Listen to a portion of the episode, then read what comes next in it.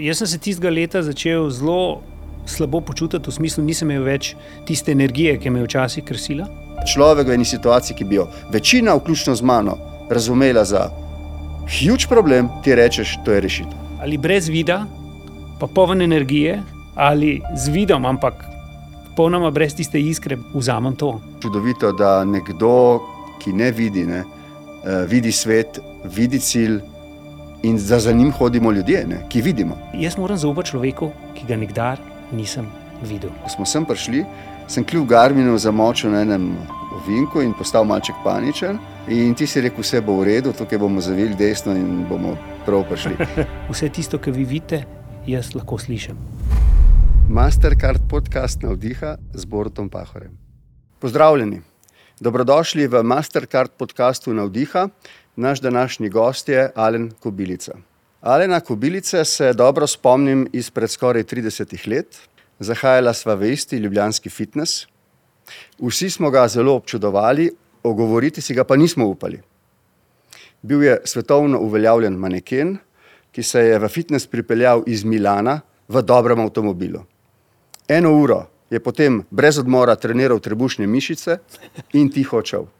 Potem Alena precej časa nisem srečal, dokler nisem slišal, da je oslepel. Sploh si nisem znal predstavljati, kaj to pomeni, sploh za njim. Ko sem kmalo zatem prebiral, kako vse težave premaguje in zmaguje, je postal moj junak. Danes je zaradi vsega, kar počne in kar je, Alen moj vzornik. Alen Kobilica je uspešen podjetnik, je med najboljšimi triatlonci na svetu, je ustanovitelj zavoda Vidim cilj. V njem se slepi in slabovidni otroci učijo športnih veščin in življenja. Ima srečno družino, dva čudovita otroka.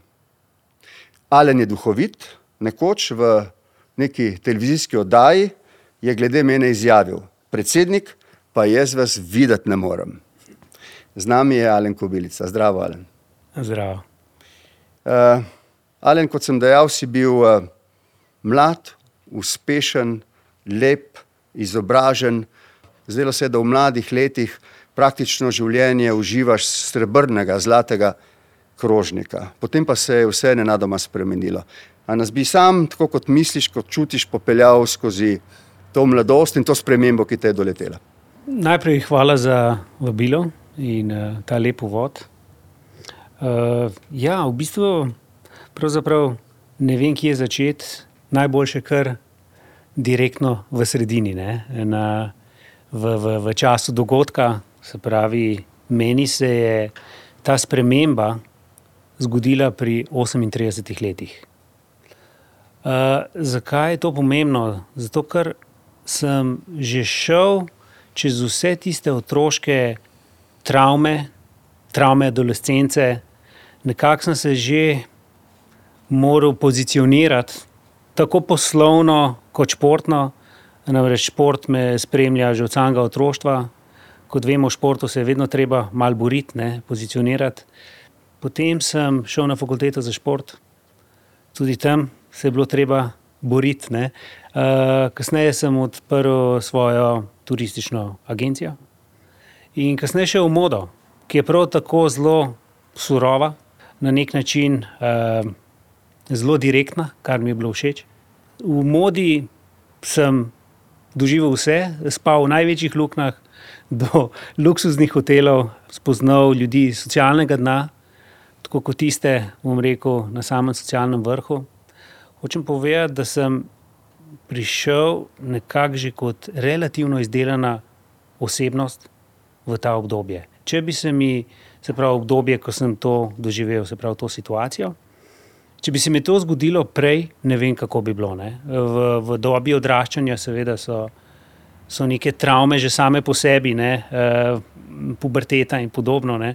Tako da Uh, zgodilo se mi je to v nekem trenutku, se pravi pri 38 letih, ko sem nekako vse to že čez dal in, in kot sem že prej rekel, sem bil že relativno izdelana osebnost. Se pravi, glede tega mi je bilo vse nekoliko prizanešeno, bilo mi je pač nekoliko lažje.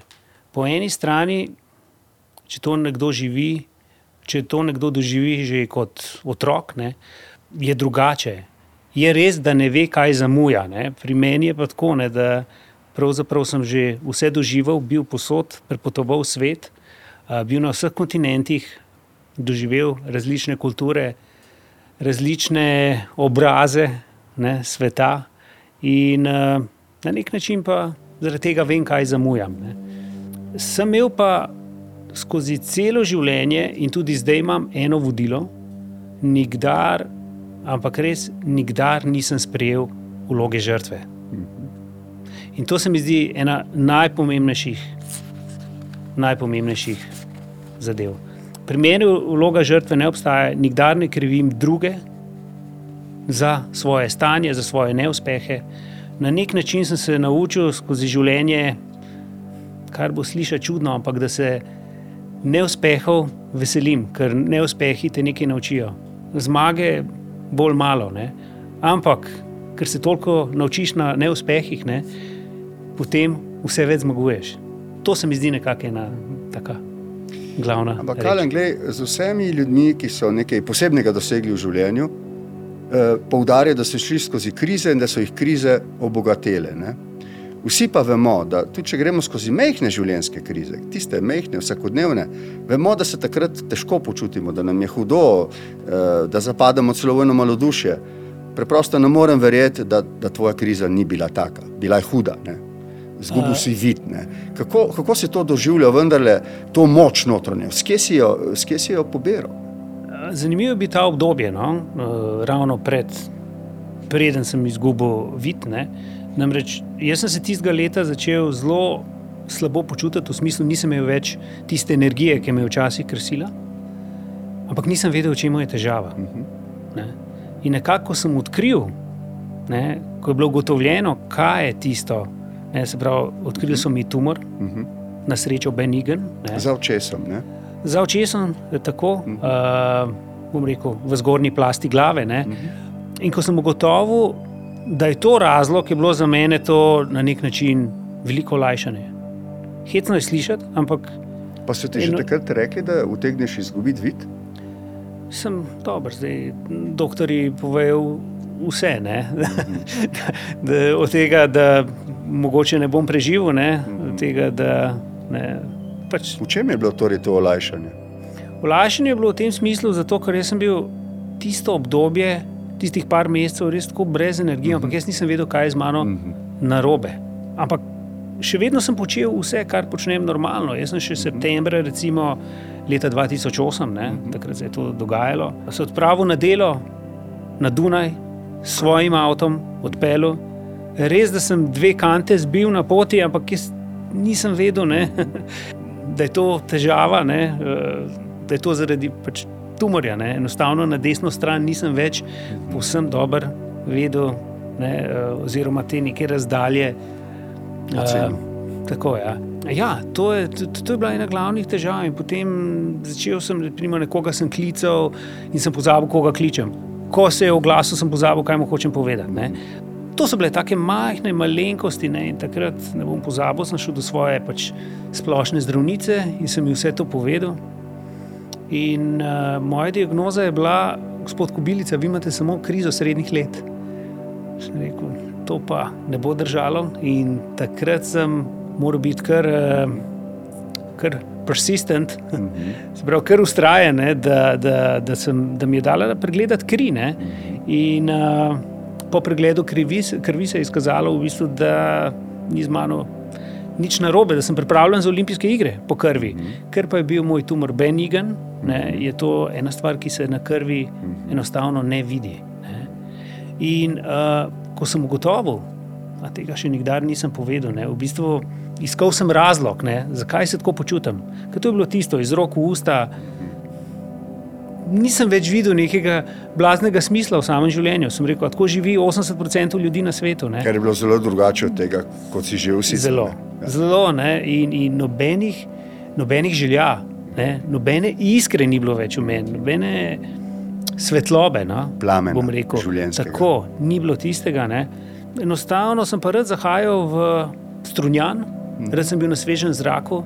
Uh, že kot otrok sem tam delal uh, veliko pač v strunjanu in kasneje tudi kot reševalci iz vode. Tam sem srečal tudi uh, prijatelja. To pa mislim, da še nikoli nisem povedal. No. Najga, tudi mislim, da ga ti poznaš, eh, Jan Plestenjak. Seveda. Uh, se srečava slučajno in pravi, kje si, prijatelj. Sem rekel, le Jan, lahko da bom nekaj čist mimo strelu zdaj, ne? nekaj se dogaja z mano, ne vem, nekaj, nekaj, nekaj je narobe. Ne? Pa je rekel, a si ti slučajno dal že glavo pregledati. Ne? Rekel, Nihče mi tega ni še omenil. In dejansko moram reči, da mi je on organiziral celotno zadevo, tako da sem bil naslednji dan na slikanju, MRI, glave, in tam se je izkazalo, v bistvu, da, imam, da imam tumor. Jaz moram reči, da mi je bilo tisto na nek način res olajšanje, ne? ker sem To sem vedel, da je vprašati, tisto če je bilo težava. to res olajšanje. Ja, Ja. Res. Ker uh, življenje, tisto brez energije, ne, ali pa ta, ki sem ga Je dobilo ne, pojasnilo. potem. Ja, tako. Ne. Se pravi, uh, če tako povem, ne, ali brez vida, pa poln energije, ali živeti tako kot prej, ne, z vidom, ampak popolnoma brez tiste iskre, brez energije, vzamem to. No, jaz ti moram reči, da nisem naredil nobene raziskave.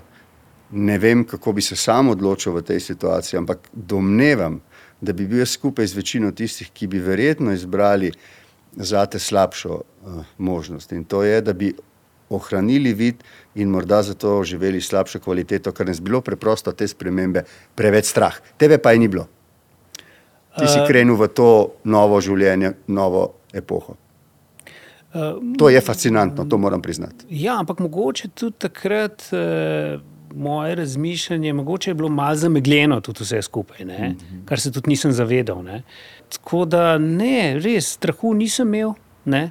Imel sem pa seveda vero v to, da bo vse v redu in da bom videl, kar sem prepričan, da tudi če bom, ne vem kdaj, ne vem kako. Ampak uh, vse skupaj sem takrat, aha, še to moram povedati, po operaciji sem jaz še vedno videl. Tri dni. Potem je šlo pa v par dneh pač navzdol, v, v temo. Ne. Ampak vseeno, ne, jaz sem vzel celotno zadevo kot izziv. Tako kot sem rekel, že Tudi vrsto, takrat, ko si šel v temo. Tudi, ko sem šel v temo, res izziv sem rekel, le Alen, do 38 leta ne, si živel življenje, krasno, polno, z ogromno izzivi. Ne. Bil sem na dnu, bil sem ne, tudi na vrhu. Tako da, dajmo videti, kaj lahko naredimo zdaj v tej situaciji. In tako se je vse skupaj potem začelo. Jaz te poznam, te poznam kot zelo iskrenega človeka. Povedal sem, da si moj velik navdih in uh, si ena taka iskra v življenju in ti verjamem, kar govoriš, ampak težko verjamem to, kar si mi zdaj povedal. Namreč, da si soočen z nečim, kar je radikalna sprememba v življenju. V osnovi se moramo strinjati, da je to radikalna sprememba na slabše, zgubiš eno dimenzijo življenja, ki si jo prej imel, in čutiš neko energijo, morda celo nek presežek energije, glede na tiste mesece prej, ko si bil malodušen. Absolutno. No, to se mi zdi fascinantno. In bi te prosil, da mi malček več poveš o tem, ker to se mi zdi zares uh, občudovanja vredno. Kaj je tisto, kar ti je reklo, Alen, gremo na lepše, na boljše? Je teže, ampak bo lepše, bo boljše. Kaj je tisto? Poskušaj opisati tiste silnice v tebi, ki te pripravijo do tega, da človek v eni situaciji, ki bi jo večina, vključno z mano, razumela za huge problem, ti rečeš, to je rešitev. Kot prvo, uh, nikdar nisem gledal na to kot nek dokončen problem oziroma neko situacijo, ki je nerešljiva. Tako kot sem rekel, prepričan sem bil in prepričan sem še vedno, da bom videl. Jaz, kar se tiče motivacije za življenje, nikdar nisem imel nobenih težav. Jaz imam izjemno strast do življenja, ljubim življenje. Uh, in tudi nikdar nisem razumel, da je lahko nekdo na tem planetu, ki ni motiviran. Iz enega enostavnega razloga. Mi vsi, ki smo tukaj v fizični obliki, mi smo se že izkazali. Namreč med milijardami spermijev smo mi bili tisti, ki smo prvi preplavali, se zborili, da smo se pojavili tukaj v fizični obliki. In zdaj, da prideš sem in rečeš, hm, ma nisem neki motiviran. Ne? ne vem, jaz jemljem motivacijo iz, iz nekih enostavnih zadev iz, iz narave, iz, iz, uh, od ljudi, uh, od posebno enostavnih ljudi, nimam nekih idolov, nikdar nisem imel. Ne, da bi se pred nekom stresel, mislim, tresel, ne, nimam nobenega straha, spoštovanja, imam pa spoštovanje do vseh, tako do petletnega otroka, kot tudi do predsednika. Ampak nimam pa, nimam pa strahu. In nikdar se nisem bal izzivov, in nikdar se nisem bal delati napak. Mm -hmm. Ker uh, napake so tiste, ne, uh, iz katerih se največ naučiš. Jaz rad uh, prikažem šport, ki me spremlja skozi celo življenje, kot en tak prikazatelj vsega tega. Ne.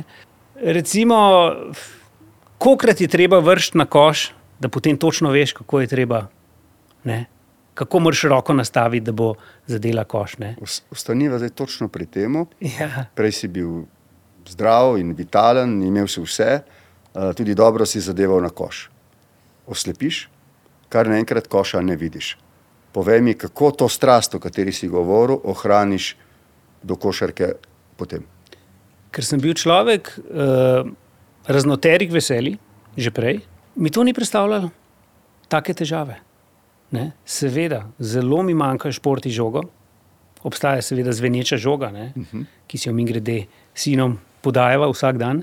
Ampak športi, recimo kot beach volley, yeah. Ja. odbojka na milki in podobno, mhm. -huh. seveda zdaj odpadejo. Ne? E, sem neizmerno užival v njih. Mhm. -huh.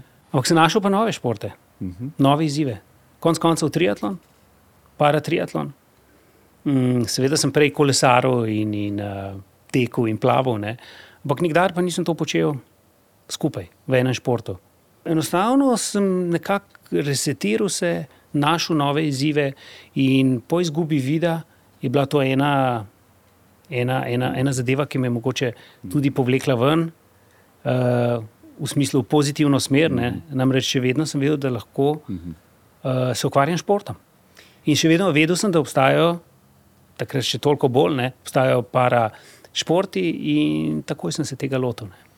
Uh, Ali oba sva triatlonca, samo med nami je velika razlika. Najprej, jaz sem veliko slabši od tebe, in drugič si ne znam predstavljati, kako lahko izgleda triatlon v tvojem primeru. A nam malce opišeš. Torej, plavate, kolesarite in tečete. Kako to izgleda? In točno v tem vrstnem redu. Morate samo to popraviti, vse to, kar jaz počnem, so parašporti, se pravi tudi paratriatlon. Ne. In tukaj imaš velike uh, naslove, tukaj, visoke naslove. Ja, kar nekaj zmag v svetovnem pokalu, evropski ja. podprvak, ja, kar nekaj da z velikih tekmovanj. No. Bil sem 15krat med prvimi petimi, tako skratka. Ja, uh, tekmujem v, med slepimi in slabovidnimi, kar je praktično ena največjih skupin na svetu. Je pa tako, potrebujem, se pravi v paratriatlonu, športnika, se pravi triatlonca, ki vidi. Zato, ker eno osebo, ki me spremlja od začetka do konca, skozi vse tri segmente. To mora biti ista oseba. To mora biti ista oseba. Trenirate torej skupaj. Uh, ja, zanimivo. To je kot individualni šport, sicer, ampak ne more biti bolj timski. Mm -hmm. Ker tukaj gre za neko sinhronost mm -hmm. med nami, za zaupanje. Mm -hmm. Jaz moram človeku zaupati, sto procentno, odgovornost. On ima odgovornost. Dobro, pogleda plavanje. Ja. Štart je, gneča je. Ja. Uh, vidva sta skupaj? Mi smo skupaj. Vsakič je drugo tekmovališče, včasih morja, oceani, ja. jezera, reke. Skratka, vsakič je drugačna postavitev. Kompleten kaos, vedno. Kompleten kaos, ampak mi imamo en dan pred tekmo, uh mhm. -huh. tako imenovani familiarization, uh mhm. -huh. kjer imamo ogled. Okno se odpre, pol okay. urno za kolo, pol urno za plavanje, okay. pol urno za tek. In takrat moram jaz vse skupaj memorizirati.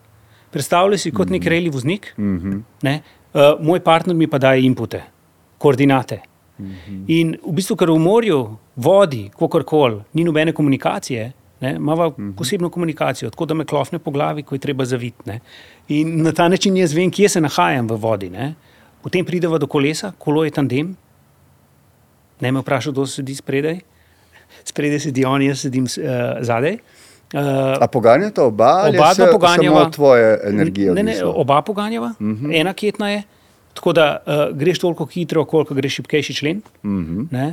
uh, to je zelo divje.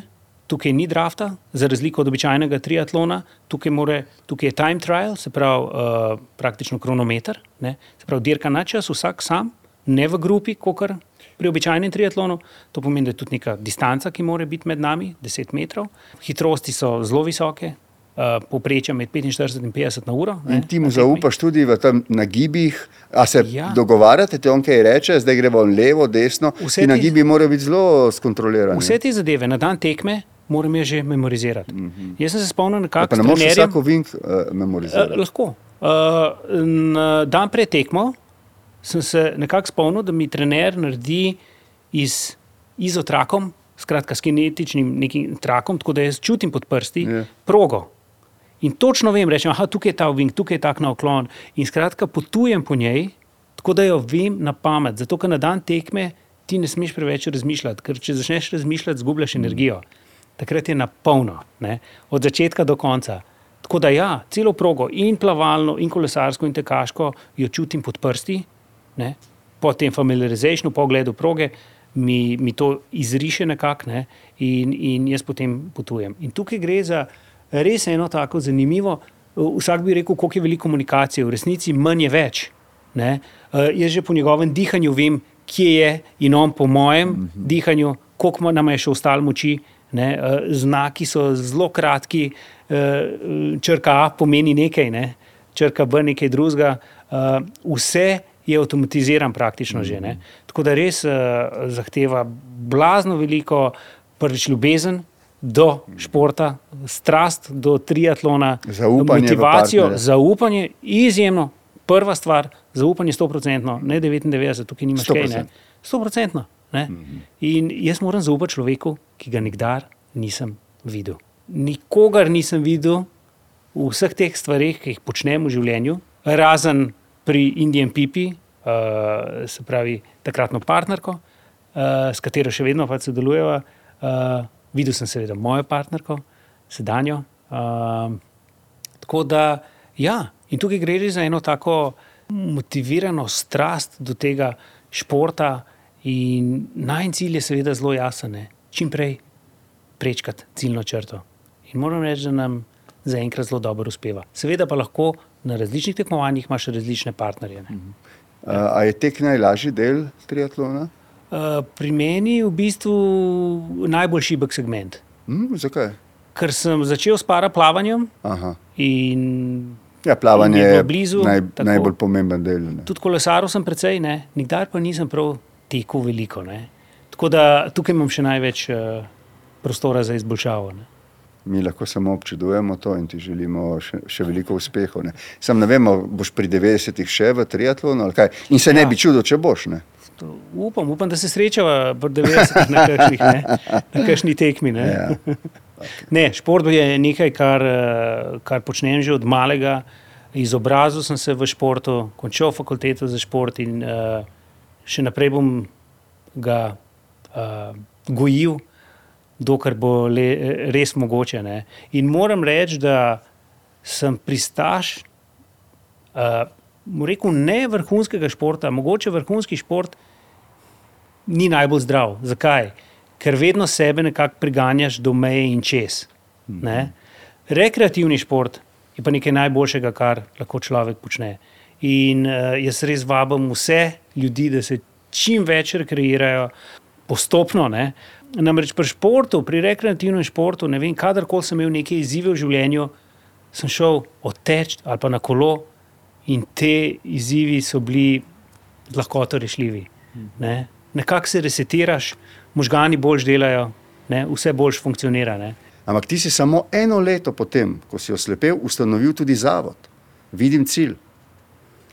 Torej, nisi šel samo v šport po nek navdih in eh, sproščal svoj strah in se regeneriral, ampak si šel tudi v druge aktivnosti, eh, ki so občudovanja vredne in so plemenite. Tudi šport me je pripeljal do tega, namreč eh, po izgubi vida sem precej hitro, kot si prej omenil, dosegel normo za Evropsko prvenstvo v plavanju. In na tistem tekmovanju sem bil praktično edini, edini parašportnik med slepimi in slabovidnimi, mm -hmm. slovenec. ne. Medtem ko druge države so imele kar nekaj, cele ekipce. Ne? In, in takrat se mi je porodila zamisel, glede na to, da imam to znanje, da sem študiral na fakulteti za šport in jo uspešno tudi dokončal. Uh, sem rekel, to je pa nekaj, kar lahko jaz naredim za Slovenijo, za svojo državo. Namreč mnenja sem, da ne glede na situacijo, vsak lahko na nek način pomaga družbi, v kateri živi. Zdaj, nekdo bo rekel, joj, jaz pa res, pa cel dan delam, pa ne vem kaj. Pomoč je že pomagati starejši gospe prečkati cesto. Širiti to, verjamem v to, v pozitivnost ljudi, v to, da skupaj lahko pač dvignemo Slovenijo, svet na neko boljšo raven. Kot rečeno, si ustanovil zavod, uh, vidimo cilj. Uh, vidim, vidim cilj. cilj ja. Ampak to rečeš skupaj z otroci, torej vidimo, ne, cilj z otroci, ki so morda uh, tako kot ti prikrajšani. Uh, in to ne samo zaradi slepote, Eh, sto jih imaš, ne, zdaj ali kako? Eh, tukaj bi popravil na začetku. Mislim, ja. da si omenil, da je center eh, slepe in slabovidne, ja. da imamo. Ne. ne, začeli smo slepimi in slabovidnimi, potem so se nam pridružili otroci z amputacijami, ja. paraplegiki, uh mhm. -huh. cerebralna paraliza, avtisti. Skratka, preko sto otrok, ne, ki obiskuje naše, naše programe. Začeli smo s plavanjem enkrat na teden, uh mhm. -huh. zdaj otroci plavajo, plavajo praktično vsak dan. Uh mhm. -huh ne, po več ur, seveda različne skupine, imamo kempe, tako poletne kot zimske, uh, naši otroci smučajo, kolesarijo, tandem kolesih in tako naprej. Skratka, moja osnovna ideja je bila, da bi dobil še enega elitnega parašportnika, uh. -huh. ampak sem hitro ugotovil, da to ni najpomembnejša stvar. Najpomembnejše je, oziroma veliko pomembneje je, da se te otroci pač družijo med sabo da se čutijo nekako vsaj približno enake svojim vrstnikom. Namreč šport je ena taka hecna zadeva. Ne? Šport izjemno pozitivno deluje na samo podobo, na samozavest, na seveda fizično zdravje in mentalno zdravje, in uh, na pridobivanje teh moralnih in etičnih načel, ki jih, ki jih potrebujemo za življenje. Uh, da lažje premagujemo izzive, ki nam jih vsem prenaša. In moja osnovna ideja je bila in je še vedno, da ti otroci postanejo aktivni soustvarjalci družbe, v kateri živijo, in ne samo otroci, ki prosijo, oziroma posamezniki, ki zahtevajo svoje pravice. Ne. Prav je, da imamo svoje pravice, ne. Mhm. ampak uh, tukaj se mi zdi nekaj pomembnega poudariti. Namreč tukaj je stvar neke empatije, s tem, da jaz empatijo delim, to je čisto neka moja pogruntavščina. Ne verjamem, da je v kjerkoli knjigi, ampak na negativno in pozitivno ne, uh -huh. uh, empatijo. Negativna je takrat, ko nekdo pride in reče: Kako si bogi. Uh mhm. -huh. In se joče zraven, ker takrat je naredil dva človeka. Pokroviteljstvo in usmiljenje. Ki... To, to je ta, ta pomilovanje, uh -huh. usmiljenje. Ne, uh, takrat si naredil dva invalida, ne, se pravi, tistega, ki se mu to govori, in pa še tista oseba, ki vse to počne. Ampak tega se ljudje pač enostavno zavedajo. Moto pri nas v cilju, gre, pri nas v vidim cilju, gre za pozitivno empatijo. To pomeni, čutim te, mogoče nikdar ne bom vedel, ne, kako se ti zdaj počutiš, vem pa nekaj, da lahko skupaj naredimo maksimalno, da ti lahko dosežeš res maksimum, kar si sposoben, in mi ti bomo pri tem pomagali. In to počnemo. Jaz sem se tudi odločil, ko sem center ustanovil, zavod, ne, da naši otroci ne bodo plačevali članarine in vodnine.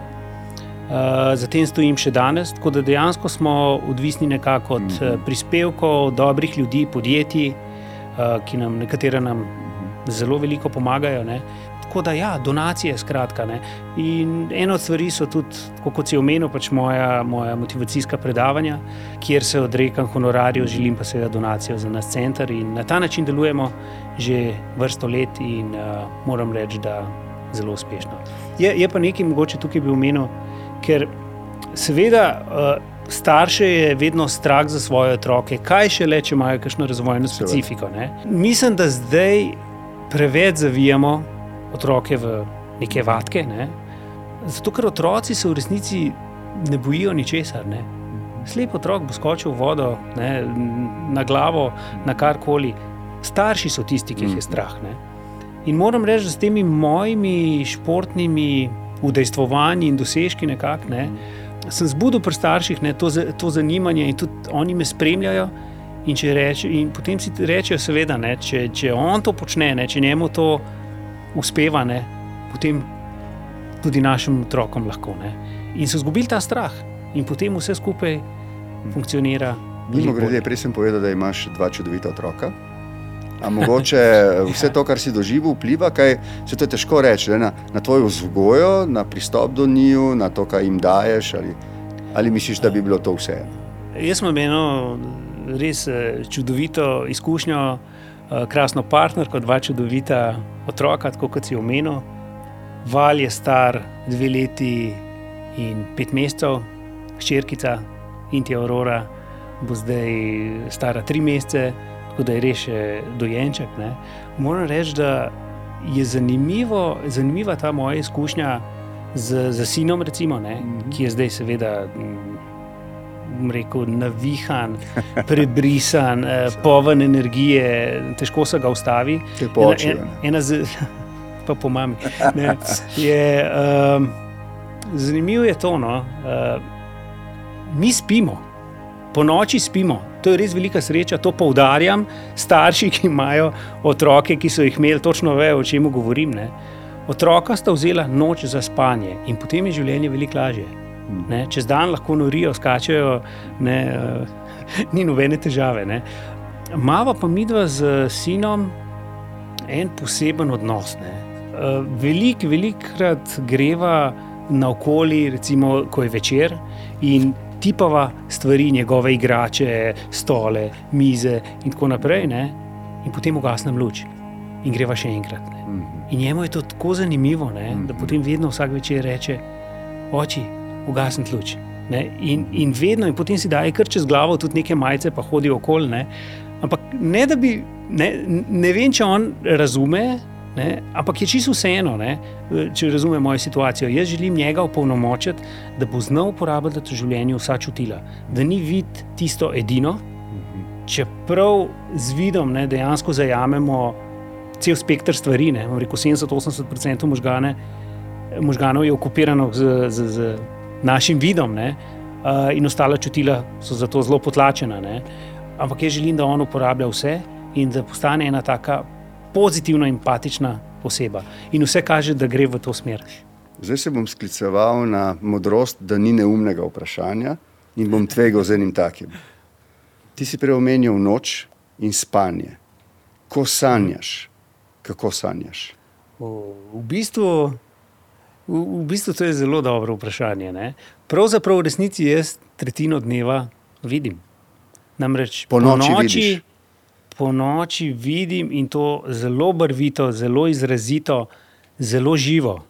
Take zelo lucidne sanje imam.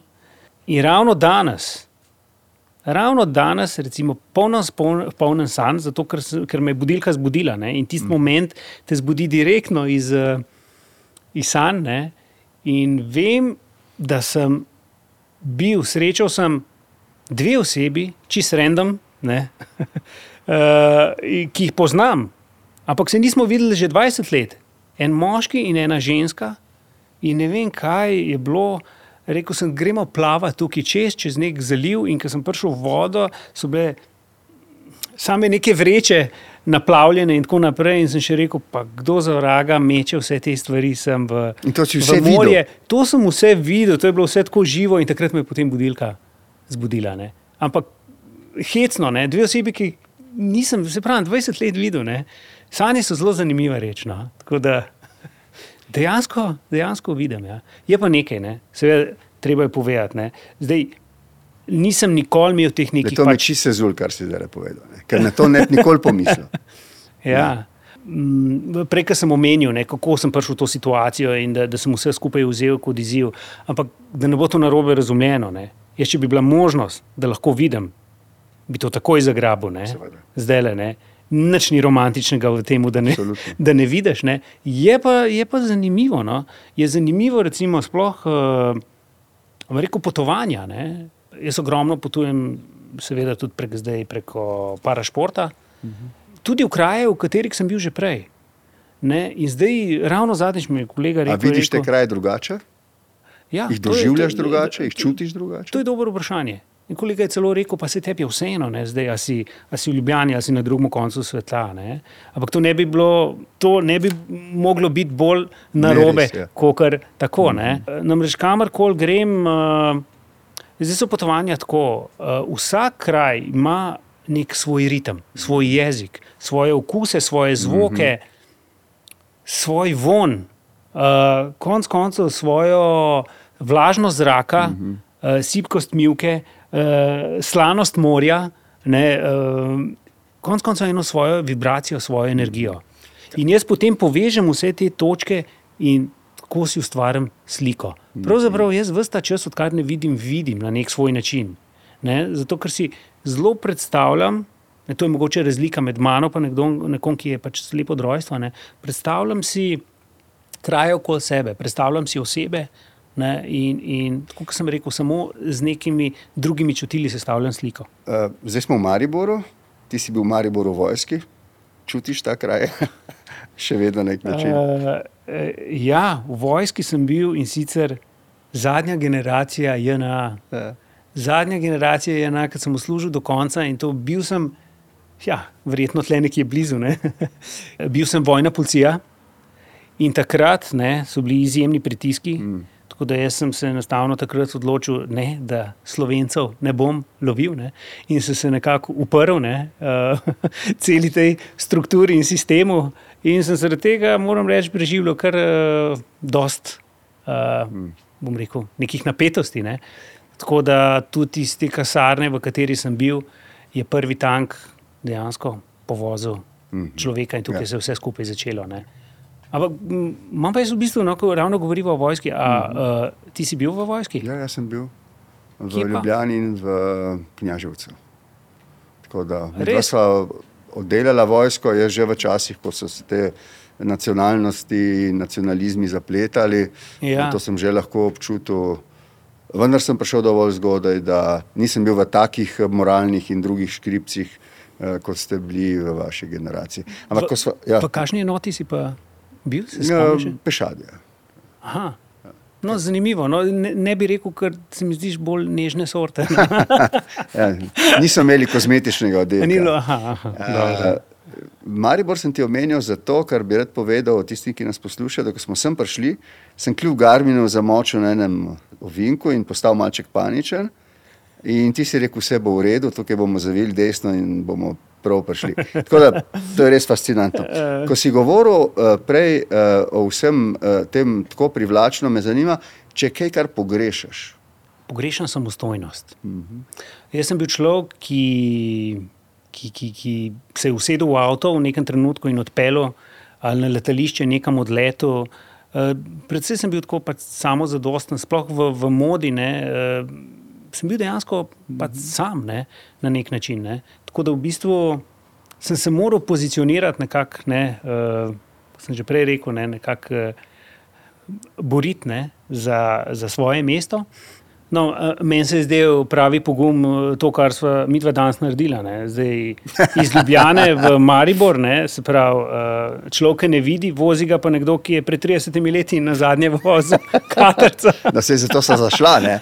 Ja. Ampak se, ne, smo imeli tebe v avtu, nisi se ustrašil, ne sem mal bil paničen. Ja. In sem se zanesel na te, da bo prav prišla in sva tudi prav. prišla. Ja, jaz mislim, da smo oba dva ne, še otroka, uh, bom rekel, analognega sveta, ne, ne digitalnega. Tako da v bistvu uh, imam še vedno zelo dobro predstavo o, o, o krajih. In, in, uh, Ampak preden bova šla malček na ta digitalni svet, ki je prinesel tudi morda ne, nekatere fenomenalne spremembe, ki se jih sploh ne zavedamo, ne, uh -huh. bi te pa, pa ostanva tukaj, ostanva pri teh digitalnih spremembah, pa šla potem nazaj. Ja.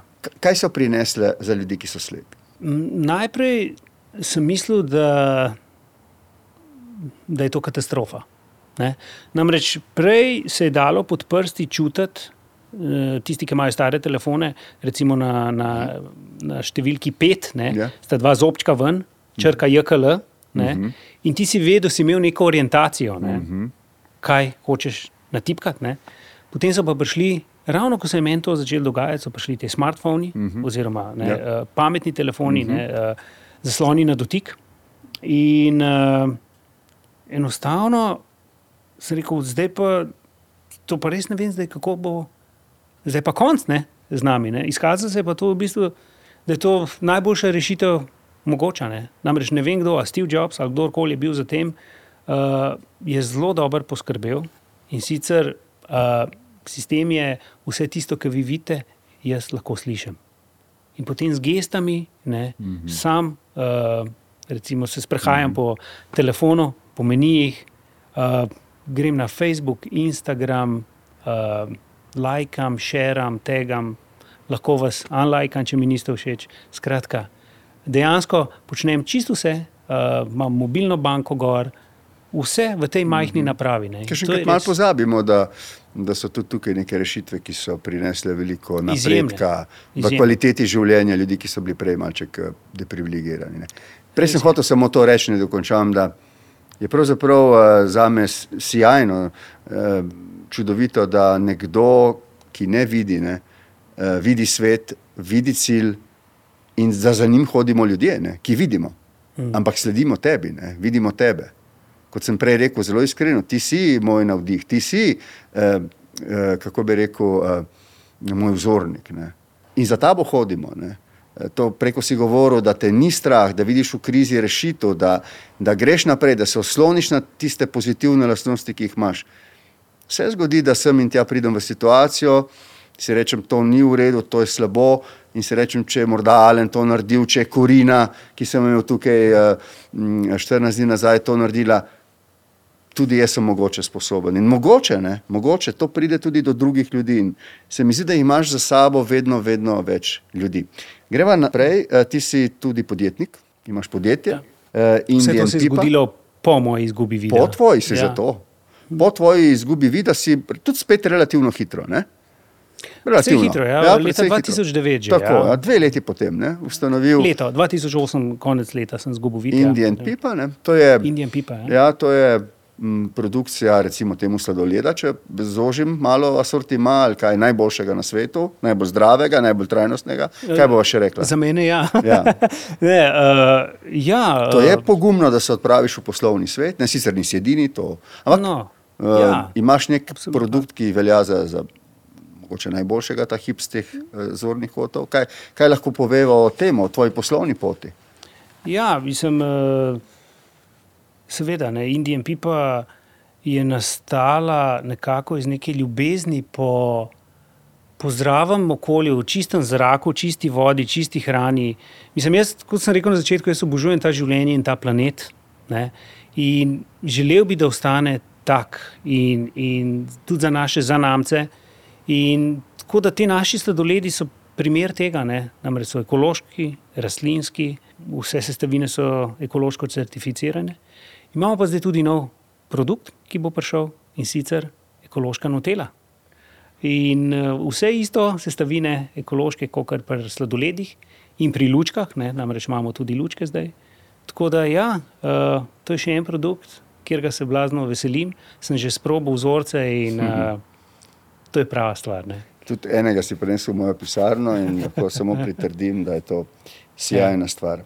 Rad bi te vprašal dve besedi o vprašanju, o ljubezni, o modi. Najprej greva na modo, ker se mi zdi lažje vprašanje, manj delikatno, ja. uh, bolj politično korektno. Moda. Ja. Ti si bil v špici mode, ko si bil tam od 25. do 35. leta, ne tako rekoč. Ne? Delal si za Armanija, delal si za, za svetovne protagoniste visoke mode v Milano. Imel si vse, kot sem rekel, bil si na, na, na vrhu. Ne? Uh, moram samo to popraviti. Ne, eh, v Milano sem začel. Ja. Delal sem posod, Milano, Milano Pariz, ja. London, New York. Da, ampak, če zdaj, se ne motim, če se ne motim, si tudi ti bil v. Ja, ampak jaz sem modi. bil deseto kategornik. Ne? Če si ti rekel, Alen Kobilica, čez čas meni, ja. je bilo to nekaj, potem deset let noč in potem mogoče jaz tam v zadnji vrsti. Ne? Ti si bil rešpica, mi smo bili pa taki vaški. Ne? Frajeri, ki so malo silili spredje, pa so uživali, pa našim. Ne? Uh, ampak ne škodijo, mislim, ja. okus sem bil lušen, simpatičen in tako naprej. Ja. Kako vidiš pa ljubezen? Prav za, za naložb sem uporabil to besedno zvezo. Kako vidiš ljubezen? Uh, a ljubezen človek doživlja drugače, um, če, je, če vidi ali če ne. Navezavo stikov. Uh, Uh, ja, v bistvu, glede tega moram pa reči, da je zelo zanimivo. Ja? Zato, ker uporabljaš druga čutila, ki so pri odnosu bolj pomembna, kot kar sam vidim. Ampak moram nekaj povedati. Jaz sem svojo partnerko videl. Ne? To mogoče ljudje ne vejo, res že zelo dolgo, dolgo nazaj, ne? ko je bila še v, v pevski skupini. Ne? Ampak. Uh, Tako da, ja, vem, kako zgleda. Ne? Ampak tudi, če ne bi vedel, ne, sej, uh, nekako nekak tukaj pride potem bolj do izraza te, te fini občutki. No? Uh, ne vem, bom rekel, von, ne, gladko skože. Zadeve dobijo ne, preko konic, konic prstov nek, nek svoj pomen, ne. ostala čutila res. Ma ljubezen je eno tako res krasno čustvo, in, in uh, ljubezen je tisto, kar lahko dejansko izboljša ta svet. Vsi bi se morali naučiti ljubiti in, in to širiti okoli sebe. No. Vem, da se sliši to mogoče tako malo utopično, ampak je to, je to mogoče.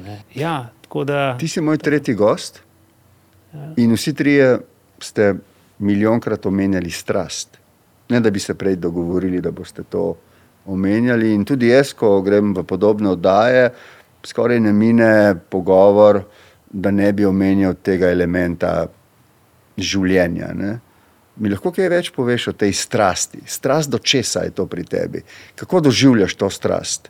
Kot mm, to, osredotočenost, to kot uh, energijo? Kot... V, v, vse to, kar omenjaš, namreč to je težko v bistvu ubesediti. To je nekaj, kar te žene, enostavno ne čutiš ne lakote, ne utrujenosti, lahko to počneš cel dan, celo noč, kakorkoli, to te noter potegne. In uh, smisel dobita, življenje dobi takrat. Poven smisel. To je ena tako popolna predanost, ki te osrečuje. Popolna predanost in to tudi želim jaz ja. prenesti na svoje otroke. Želim najti pri njih, kaj je tista iskra, ne? kaj je tisto, kaj jih -hmm. kar jih žene ne, in, in nekako mm -hmm. podpira to, ker življenje takrat pač dobi smisel ne, in, in uh, neko. Je mogoče to dati v nek kontekst tistega stavka, tiste misli na začetku, ko si rekel, da nisi v nobenem trenutku čutil sebe kot žrtve v, v tej veliki življenjski spremembi.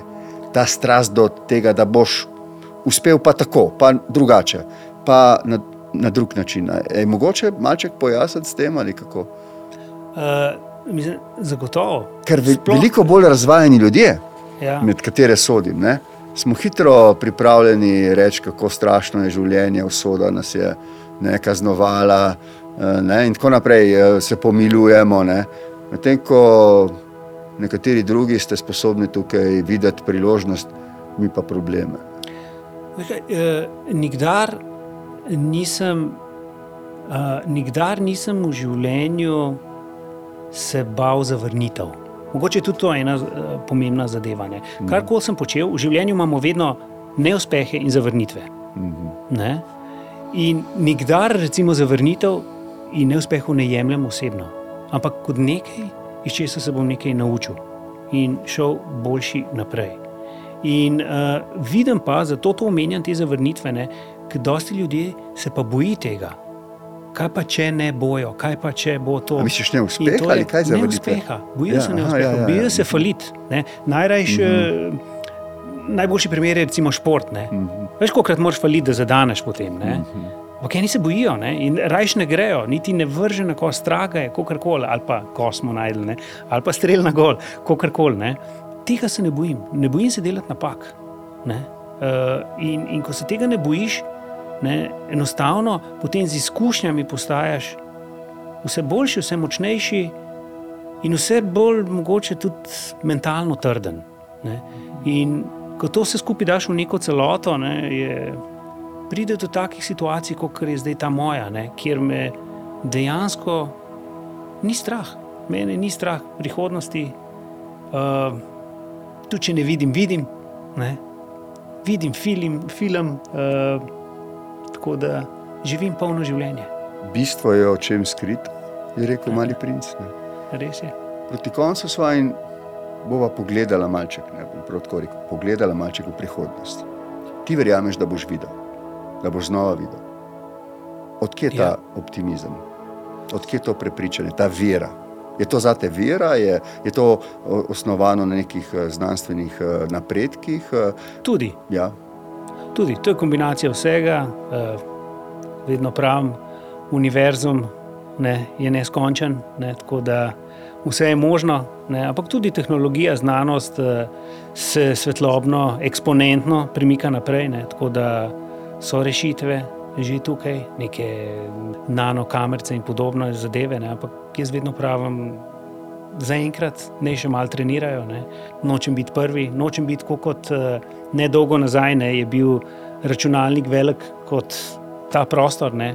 zdaj je pa en telefon bolj zmogljiv kot takratni računalnik. Ne. In um, um, rad bi se odločil za nekaj takega, za nek, nek poseg, ko bo naredilo neko bistveno razliko. Tako da bom jaz, ne da bom videl neke sence, ne, ker mi to v tem trenutku pač nič ne pomeni. Mhm. Oziroma, dovolj dobro se počutim v situaciji, v kakršni sem. In marsikaj imam še za postoriti v tej situaciji. In ko bo prišel čas, kar vem, da bo prišel čas, ne, se bomo pa pogovarjali o drugih zadevah. Nisem človek, ki razmišlja vsak dan, jo kaj pa zdaj, kaj so pa že, a bo ok. Ne ukvarjam se s preteklostjo, niti s prihodnostjo prav preveč, ampak z sedanjostjo, s tem trenutkom. Danes poskušam narediti maksimum iz tega, kar je, ne, iz tega, kar nam je na voljo. Glavna, širiti. glavna stremljenja, glavni načrti zdaj za prihodnost, vendarle. Ja, jih je kar nekaj ne, na različnih področjih, ampak zdi se mi za človeštvo najbolj pomembna stvar širiti ljubezen, dati izvabiti tisto pozitivno v ljudeh. Jaz verjamem v ljudi, verjamem, da vsi zmorejo, nekako se znebiti ideologij. Ne? Namreč svet je, je s to digitalizacijo hkrati poslal tu, postal tudi zelo polariziran. Ne? Ali je čist nekaj na eni strani, ali čist nekaj na drugi strani, ni več tistega vmes, največkrat je pa resnica ravno tukaj nekje vmes, vsega pomalo. Ne? Alen, kot vedno mi je, bilo, mi, je, mi je bil pogovor s tabo sjajen, sem ti hvaležen, da si sprejel vabilo. Upam, da je koga, tako kot mene, tudi navdihnil in mu dal kakšno, kakšno moč več, kot jo sicer ima. Hvala, da si prišel in da si mi zaupal, da sem te sem pripeljal in da te bom varno odpeljal. Hvala tebi. Hvala. Uh, vam pa srečno, se vidimo naslednjič.